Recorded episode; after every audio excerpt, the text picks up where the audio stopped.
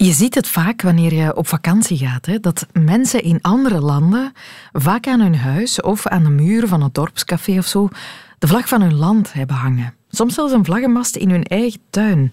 Dat is toch iets wat je bij ons een pakje minder ziet. Als er een vlag bij ons aan een huis uithangt, dan lijkt dat meteen een soort statement te zijn. Ah, die daar, dat is een Belgicist en die wil dat ik het weet. Of die daar, dat is een Flamingant en die wil dat vertellen. Je kiest partij wanneer je een vlag kiest in ons land.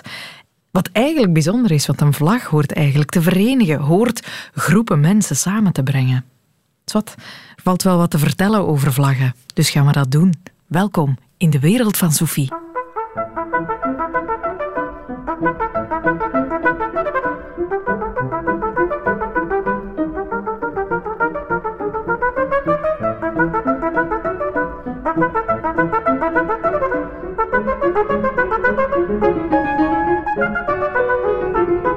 Paul van Bossegem. Die slaagt erin om met zijn vlaggen te verenigen. Hij hijst elke dag vierde vlag in zijn voortuin in Doomkerken. Elke dag een andere vlag van een ander land. En hij kiest die heel bewust, in functie van de actualiteit.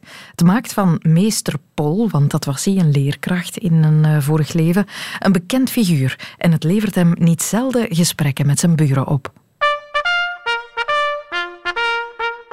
Dat is mijn allereerste vlag. Uh, ja, heb ik gekocht op Normelmarkt, ik weet het nog, in Zand, in Brugge.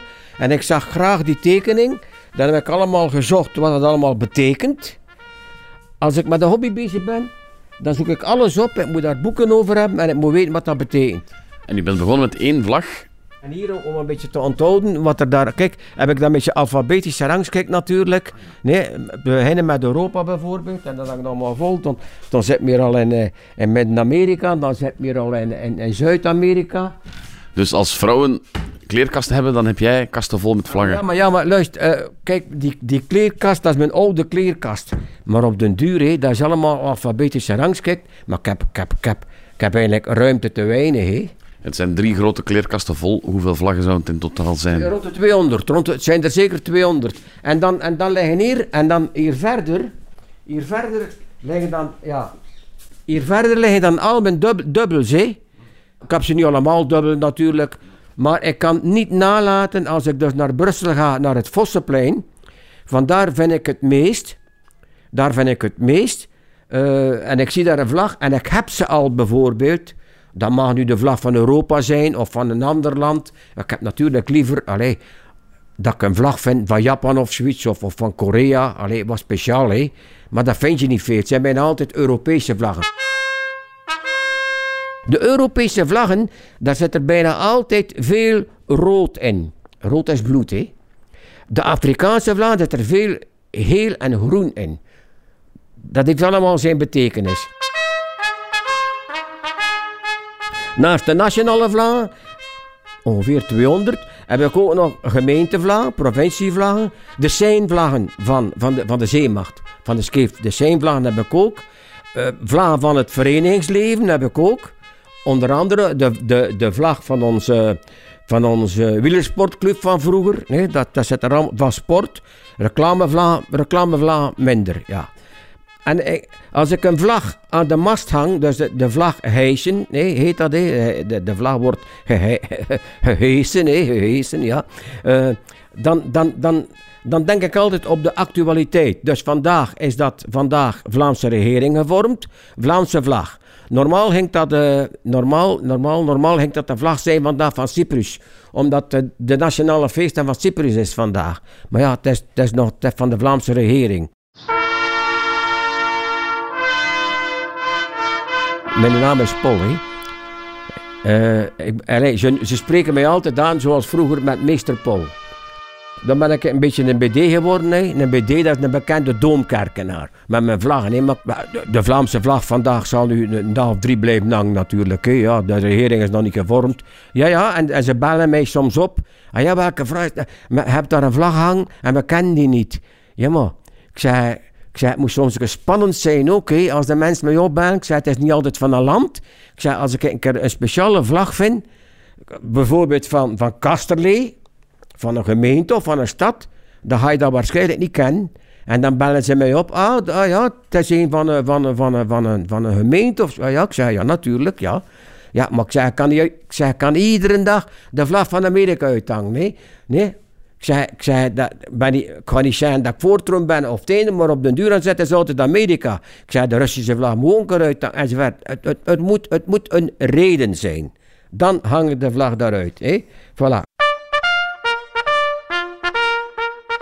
Is er zo hier in Doomkerken een dag dat iedereen een vlag uithangt en u niet meer de enige bent? U bent echt de enige. Eh, kan ik zeggen, hè? vroeger, ik weet dat nog, toen ik kind was, en er was hele hartfeest of er was feest in het dorp, of de burgemeester werd ingehaald, of de pastoor werd ingehaald, gelieve de huizen te bevlaggen. Daar stond in het dat was eigenlijk, ja, gelieve, het was wel mooi gezegd, gelieve de huizen te bevlaggen. En de mensen de- deden dat, hè. Hij ook, had te zien, als, als de oorlog gedaan was, toen, toen, toen, kwamen de mensen met, met de vlaggen af, hè. Belgische vlaggen. Ja. ja, de mensen hadden geen... Mocht nog de Polen zijn die ons bevrijd hebben hier in Ruisleden. De Polen hebben ons eigenlijk bevrijd. Hè. Mensen hadden geen Poolse vlag. Hè. Maar jij zou nu een Poolse vlag uit uw kast halen. Dat doe ik ook. Hè. Er, is, er is feest geweest in Tielt over de Polen, over de bevrijding. Er is feest geweest in Ruisleden over de bevrijding van de, van de Polen. Ik heb daar enorm veel eerbied voor, voor die mensen. Die hebben nog het een en het ander meegemaakt. Hè. In de oorlog. De, de, oh, oh ja, het hele verhaal. hè. En eh, dan... mijn- Ah, natuurlijk, mijn vlag hangt van Polen. Ik heb ze, ik heb ze twee, drie dagen uithangen. Nee, oh, nee. Dus Pool die bedankt nog elk jaar de Polen op de dag van de bevrijding, of de dag dat ze hier... Het Ja, dat dankbaarheid. Dat is een zekere dankbaarheid. is echt zwaaien terug naar de Polen, En die, dank en u. die mensen weten dat, hè. Eh, dat wordt dan gezegd dan op de gemeente, kijk, moet ik erop letten, eh, als, je hier, als, als je hier een keer door het dorp rijdt, de vlag van Polen zal uithangen. Bij meester Pol. Bij meester Pool. De Pool en Polen, hè, dat, dat, dat klopt een beetje, hè. Pool zit daarin, hè. Ja, Mensen die vlaggen uithangen, dat zijn toch vieren mensen? Vieren mensen. klopt. Nou, maar dat klopt, hè, dat klopt, dat klopt. Ik ben vier, ik, eh, ja, maar dat ben ik wel, hè. Ik, eh, met een vlag zwaaien, ik denk ook dat dat, de, dat, dat de, like de armbeweging dat we maken, maar zwaaien naar iemand, hè. Dat, dat, dat, dat, dat zit daar ook een beetje in, hè. Dat is groter uitgebeeld met die vlag, hè. Maar, allee, maar als je afscheid neemt, dan is het, ah, goeiedag, goeiedag. Ja, dat, dat, dat zit er wel een symboliek in ook, ja. Absoluut, dank je dat ook. Vlaggenliefhebber in hart en nieren, meester Pol. Dat is niet hetzelfde als een vexilloloog, wat een vlaggendeskundige is. En daar, hebben we nu ontdekt, daar bestaan er zo goed als geen van in ons land.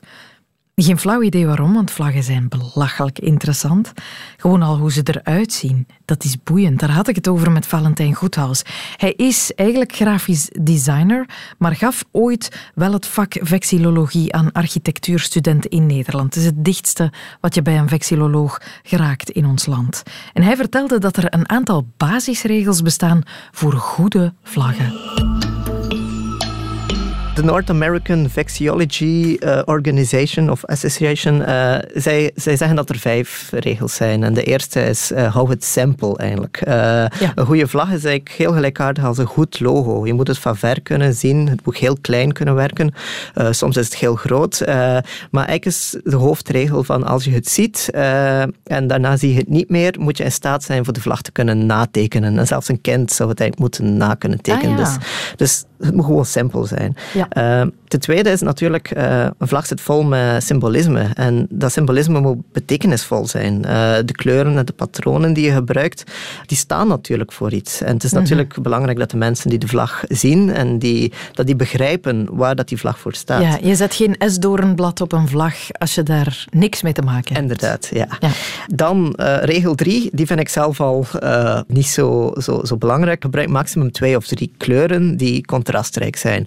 Goh, ja, ik snap het wel, maar bijvoorbeeld de vlag van de Seychellen uh, is mijn favoriete vlag. Als ah, ja? ik hier... Hoe ziet die eruit? Sorry, die ken ik nu eens oh, echt niet. Ja, die heeft zes, zes kleuren, denk ik, als ik me ah, goed herinner. En is een soort, uh, die begint onderaan in de linkerhoek en die kleuren verspreiden zich gewoon over de volledige vlag. Wat, wat is heel kleurrijk, ah, vrolijk. Uh, op zich logisch als je denkt aan hoe de situatie in dat land uh, is, denk ik. Ik ben er nog nooit geweest natuurlijk, maar het heeft, ja, Ja, het lijken zonnestralen die vanuit de linkerhoek Inderdaad, uitwaaien. Ik zie het niet. Eh, Ja. Maar ik kan niet zeggen dat eh, als je dan die regels toepast, zou dat zo echt een slechte vlag moeten zijn. Terwijl dus, dat blijft Ja. super subjectief natuurlijk.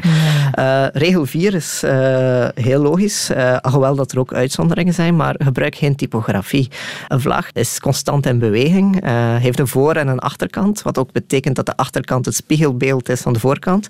Dus als je er een, een woord zal, zal gaan opzetten, dan eh, ja, is, is de helft van de tijd onleesbaar. Maar natuurlijk. nochtans zijn er, zeg, ik kan mij zo, is, heeft de Iraanse vlag zo geen... Eh, wel, ehm, eh, sowieso de vlag van Saoedi-Arabië eh, heeft Ah, ja. een Arabische tekst, dat ik nu niet weet wat er precies op staat, maar die wordt dan ook altijd dubbel gedrukt en aan elkaar genaaid, omdat het ook niet mag dat die vlag achterstevoren leesbaar is, wat ook niet kan.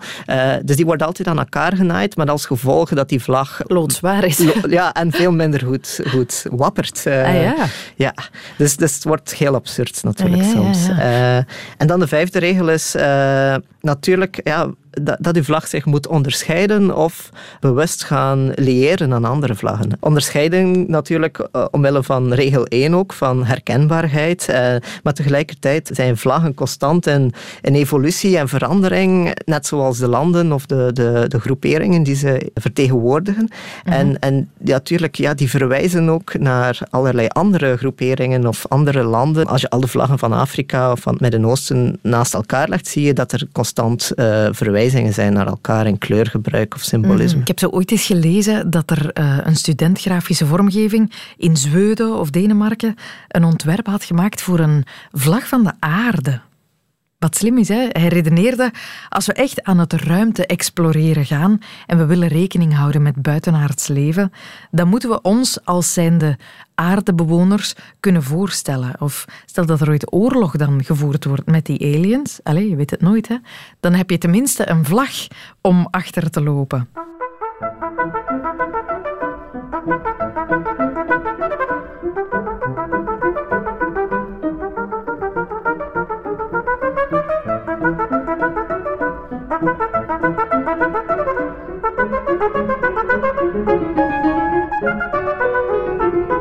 Even een heads-up voor quizfanaten. Een quiz is geen quiz zonder dat het over vlaggen gegaan is. Wat nu volgt zijn 17 essentiële wetenswaardigheden omtrent wimpels en de vlaggen. U zal er uw voordeel mee kunnen doen. Een broodrooster mee winnen, bijvoorbeeld, of een bakwest vleteren. Max Vrijs heeft ze voor u verzameld. 3, 2, 1, go. We beginnen met de oudste nationale vlag die nu nog in gebruik is. Dateert van 1219 en die heet Daneborg.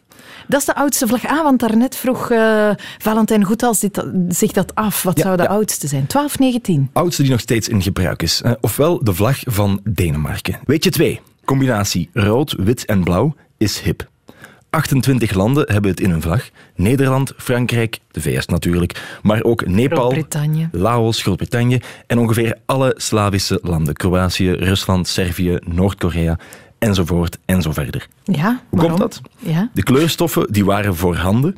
Blauw en rood, dat werd al vaker gebruikt. Bijvoorbeeld het eh, Romeinse Rijk durfde ook al eens een rode vlag eh, te maken.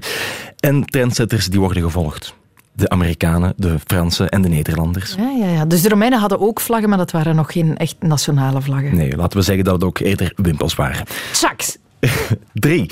Er is in heel de wereld maar één land dat geen rood, blauw of groen in zijn vlag heeft. Ah ja? Gokje.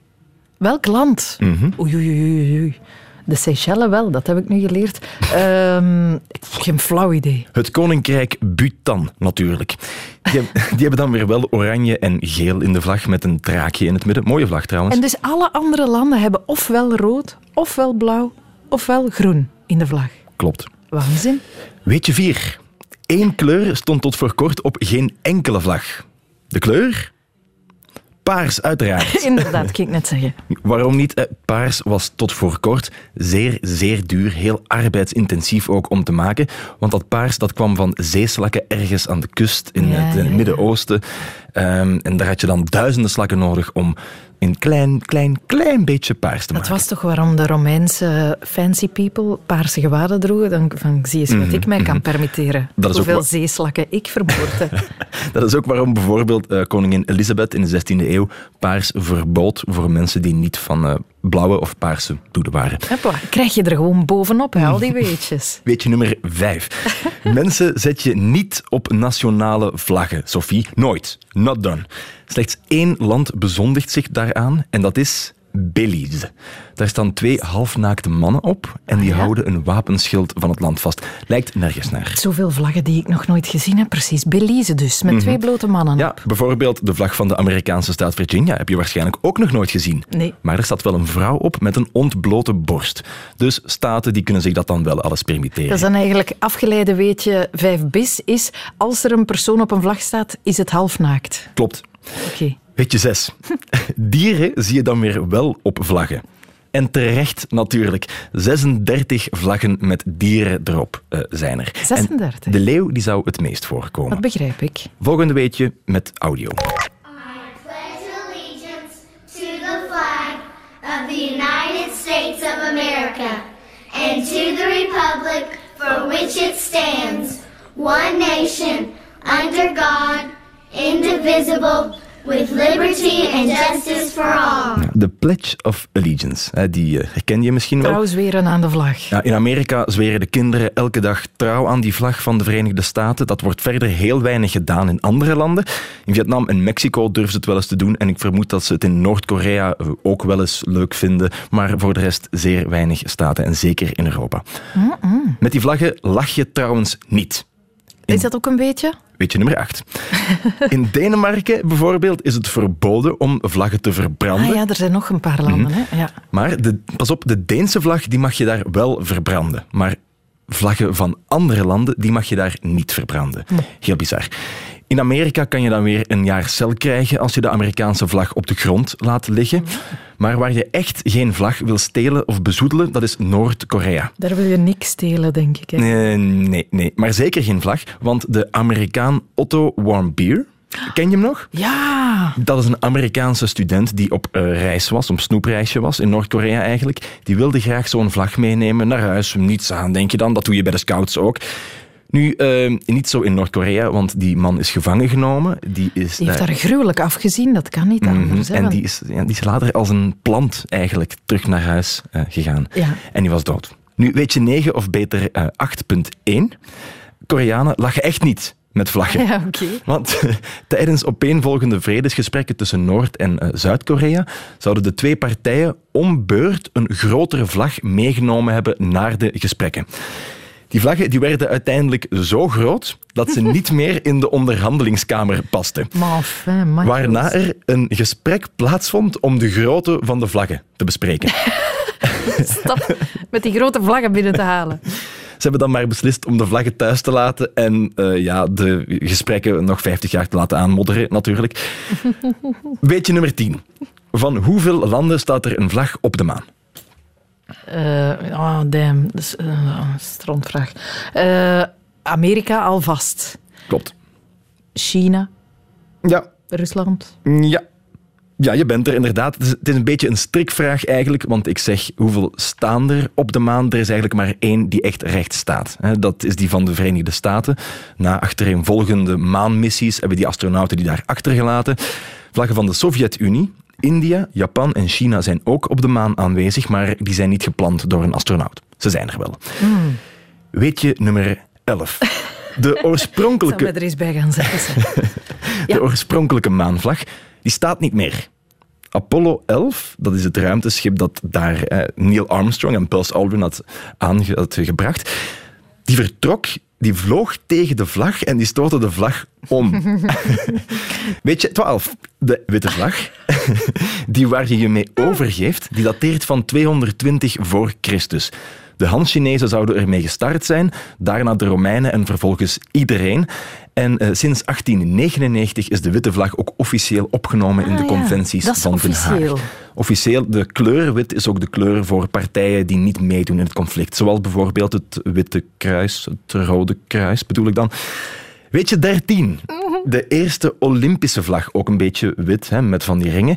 Die van de Olympische Spelen van 1920, dat was trouwens in Antwerpen, die was 77 jaar onvindbaar. Ah ja? Weg. Verdwenen.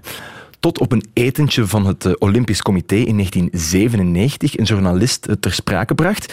En aan die zijn tafel zat er een Armeens-Amerikaanse ex-schoonspringer, Hal Haig Priest. Die was toen 101 en die zei: Jongen, daar kan ik mee helpen. Bleek dus dat die meneer de vlag gewoon al 77 jaar in zijn koffer had Je steken. had die meegenomen naar huis. Had die gestolen. Eh, Er was een andere schoonspringer die hem had uitgedaagd. Hij was de paal ingeklommen en had de vlag meegenomen. Eh weetje nummer 14. Nu ben ik heel benieuwd.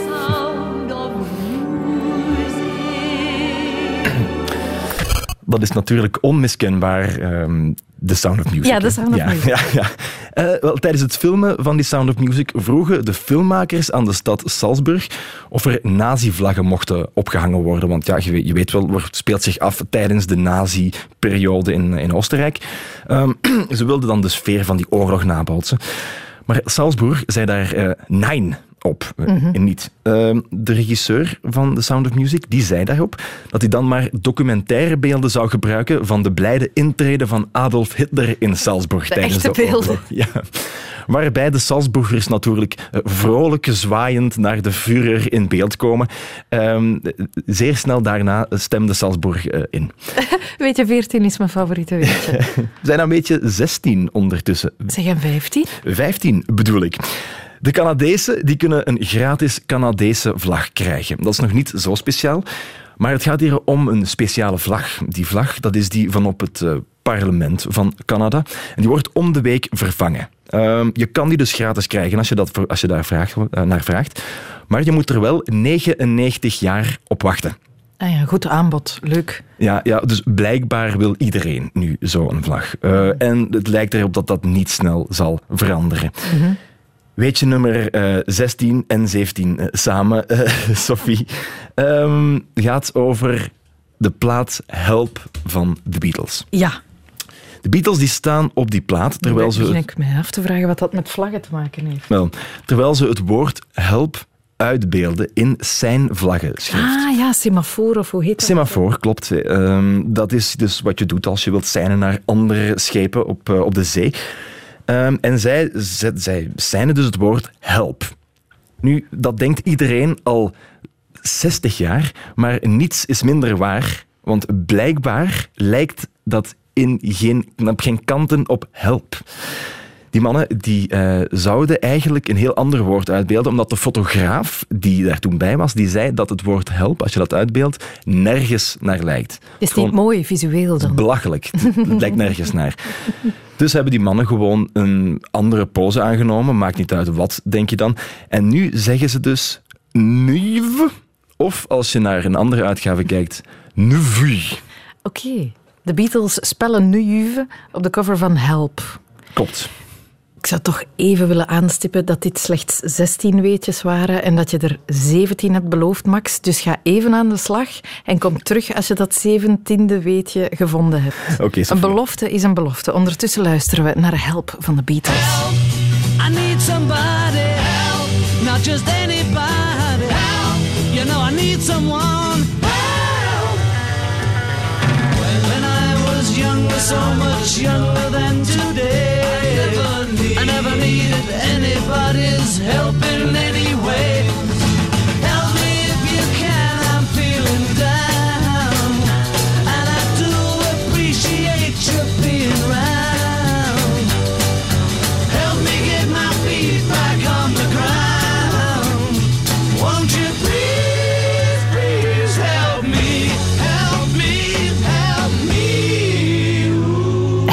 van de Beatles, of voor wie semafoor spreekt, Nuive.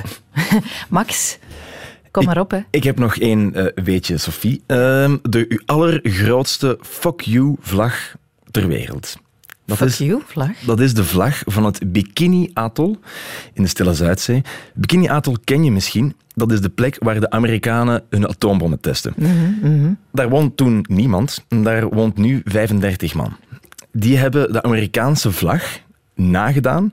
Maar op die vlag staan nog eens zwarte sterretjes om de Amerikanen eraan te herinneren dat zij vijf verschillende eilanden van het Bikini-atol naar de kloten hebben gebombardeerd. Bam. 17 fantastische vlaggenweetjes. En dan hebben we het niet eens over de piratenvlag gehad. De populairste vlag bij mij thuis, want ik heb een zesjarige rondlopen die skeletten, zo zegt hij het ook, echt nice vindt. Zo zegt hij het ook. Nice. Maar hebben die vlaggen echt bestaan? Uh, jawel, die vlag heeft uh, echt bestaan. Dit is Wim de Winter, maritiem historicus aan het Vlaams Instituut voor de Zee in Oostende. Er is veel fictie rond piratenvlaggen, veel symbolen die, uh, die later pas zijn bedacht. Maar dat soort symbool kwam wel degelijk voor op piratenvlaggen. En dat verwees eigenlijk naar een gebruik dat scheepskapiteins hadden die mhm. in hun logboeken of journalen de dood van bemanningsleden aan boord aanduiden door zo'n schedel en gekruiste beenderen te tekenen. Ah, dus ja. op de zee zouden zeelieden dat dan herkennen als een symbool van de dood. Het was een signaal ah, ja, bedoeld uh, naar uh, hun slachtoffers, zeg maar, ah, ja, om angst aan te jagen. Hadden ze andere vlaggen, eh, andere beelden dan de doodskop ook? Jazeker, er waren verschillende soorten vlaggen. In de eerste plaats gebruikte men natuurlijk ook de valse vlaggen van uh, andere landen om zich voor te doen als een Frans of een Engels uh, schip. Een bevriende natie. Ja, een bevriende natie, om dus dichtbij te kunnen geraken en dan uh, de piratenvlag te hijsen, zeg maar. Op het laatste moment. Ja. De bloedvlag hadden zij. Wat, wat is Ja. een bloedvlag? Bloedvlag is eigenlijk een, een uh, rode vlag die het signaal gaf van uh, hier zal gevochten worden. In het Engels zegt men no quarter given, dus uh, tot, uh, tot de dood zal er geweld gebruikt worden. En die vlag kwam bij piraten het, wellicht het meest voor. Dat vinden we ook historisch gedocumenteerd zo. Gewoon een volledig rode vlag. Ja, precies. Eigenlijk willen die op, van op afstand al indruk maken. Klopt het verhaal dat er zo'n kapitein was die zijn baard liet roken, zodat mensen ook van op afstand al een soort angst konden hebben voor die mythische figuur? Absoluut, absoluut. En hier gaat het natuurlijk over uh, een van de iconische, meest iconische piraten, namelijk Zwartbaard. Dat was Edward Zwartbaard, ja. ja. ja. Dus die uh, leefde van 1680 tot uh, 1718. Uh, in die periode was hij actief. Dus uh, dat is wat men heet het gouden tijdperk van de piraterij. Is dat allemaal echt gebeurd of is daar ook heel veel legendevorming rond die piraten? Daar is zeker heel veel legendevorming rond. Net zoals we de dag van vandaag nog zien dat er fictie rond uh, wordt gecreëerd, werd dat in de jaren 1720 ook al gedaan. Dan voornamelijk de bron waar velen naar verwijzen is uh, Captain Charles Johnson's General History of the Pirates. Mhm. Sommigen beweren dat dat werk eigenlijk uh, toen door Daniel Defoe geschreven is, de man die Robinson Crusoe schreef, maar andere historici trekken dat in, in twijfel Mhm. intussen. En uh, die fictie, dat is ook een belangrijk punt nog, is Mhm. door piraten, zeker in het geval van Zwartbaard, hè, met die lonten in zijn baard natuurlijk, ook zelf gecultiveerd. Want als uh, die schrikwekkende verhalen al de ronde deden, dan uh, hadden ze al een, een voordeel. Ja, ja, tegenover mensen sprongen al van hun schip als ze in de verte nog maar het Absoluut. vermoeden hadden dat Zwartbaard eraan zat te komen. En ook vandaag nog fascineert het ons natuurlijk. Hè? Dus Ja. uh, de idee van de piraat als de rebel tegen zijn levens- en werkomstandigheden en tegen autoritair opgelegde normen, die gesymboliseerd werden door de natievlaggen van hun tijd. Mhm. En daartegenover heb je dan de piraten die hun eigen vlag uh, droegen, hè? een, Ah, ja, autonomie, ja. een rebellie. En dat uh, spreekt mensen nog steeds aan.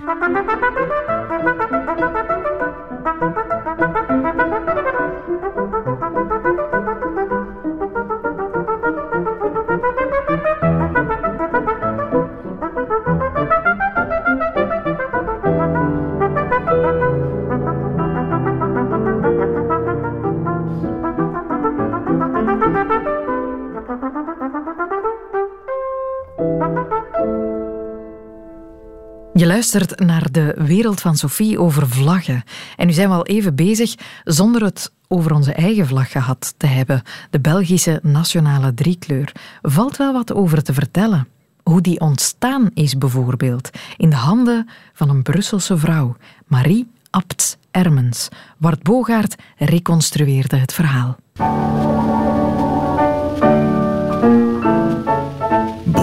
Wisten we al. Op 25 augustus 1830 geeft Willem I, koning der Nederlanden, een verjaardagsfeestje in de Munt in Brussel.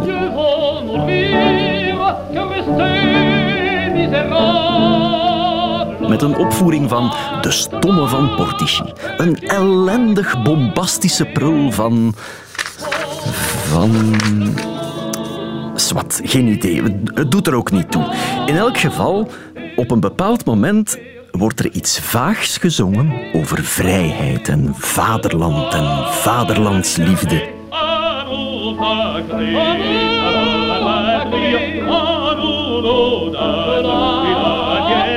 En voilà, om een lang verhaal kort te maken, de Belgische revolutie is begonnen.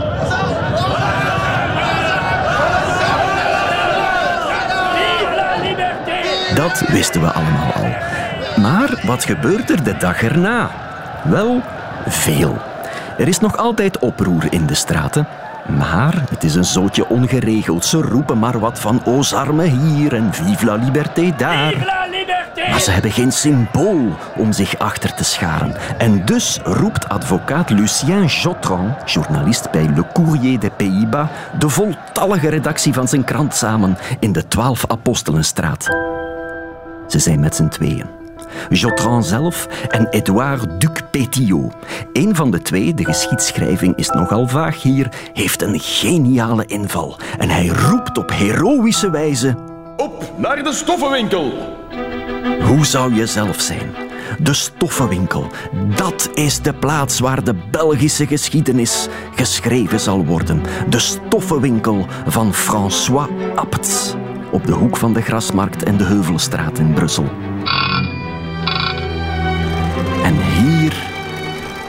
Maakte de heldin van dit verhaal haar intrede. Vanuit het naaiatelier klinkt de stem van de vrouw die de Belgische geschiedenis ingrijpend en voor altijd zal veranderen. Bonjour messieurs, je peux vous aider Marie Ermens, de vrouw van François, dochter van de Voskapel in Kortenberg, kijkt op van haar naaiwerk en heeft meteen door dat de geschiedenis lonkt. De twee journalisten hebben een bijzondere bestelling. Drie stroken stof. Een rode, een gele en een zwarte. In merino-wol.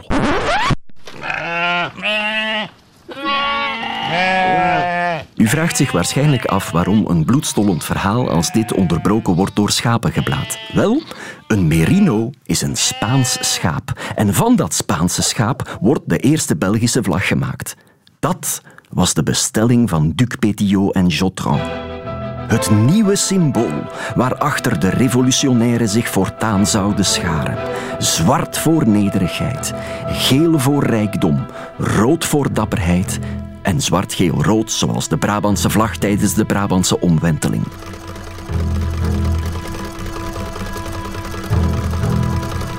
Ze is aan het naaien. En Duc Pétillot en Jotran wachten. Ze zijn ongeduldig. Een van hen kijkt vlug in spuiten hoe het gaat met de revolutie.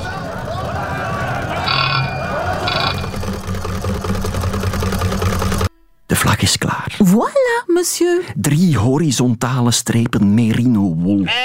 Zwart onderaan, geel erboven, rood bovenaan. Wist Marie Abts veel hoe je een Belgische vlag naait. Maar de journalisten zijn tevreden. Maak er nog één. Twee is altijd beter dan één. De mannen staan op haar vingers te kijken. Maar de hand van Marie Abts blijft stabiel. Met één doel voor ogen: het symbool van een nieuwe natie.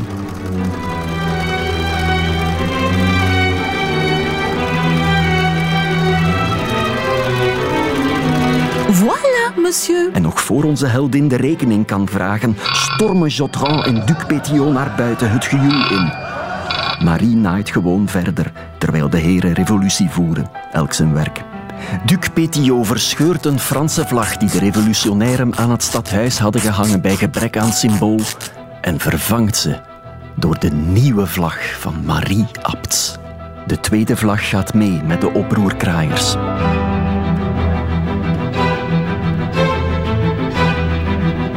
In de stoffenwinkel van Marie Abts Ermens bestellen ze nu smoskes kaas. Maar aan de gevel hangt nog altijd een bronzen eerbetoon aan een vergeten heldin. Den 26 augustus 1830 vervaardigde Marie Abts al hier de twee eerste Belgische vlaggen. Ja, heeft u het ook gehoord? Die eerste vlag die genaaid werd, die had horizontale strepen. Rood bovenaan, dan geel, dan zwart. Bleek dat men na enige tijd een verschil wilde maken met die Nederlandse onderdrukkers van ons. Uh, en dan hebben ze de vlag een kwart gekanteld. En sindsdien is onze vlag hoe ze is. Zwart, geel, rood. Dat is nog wel eens iets, hè? Hoeveel je kan vertellen over vlaggen. Jongen, jongen, jongen.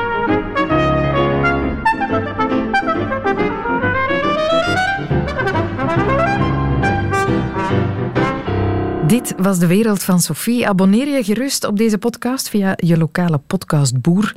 Krijg je elke week een nieuwe aflevering vanzelf toegestuurd. En dan krijgen wij een schouderklopje van een baas. Je hoort ons ook elke weekdag tussen 10 uur en 12 uur op Radio 1. Tot snel.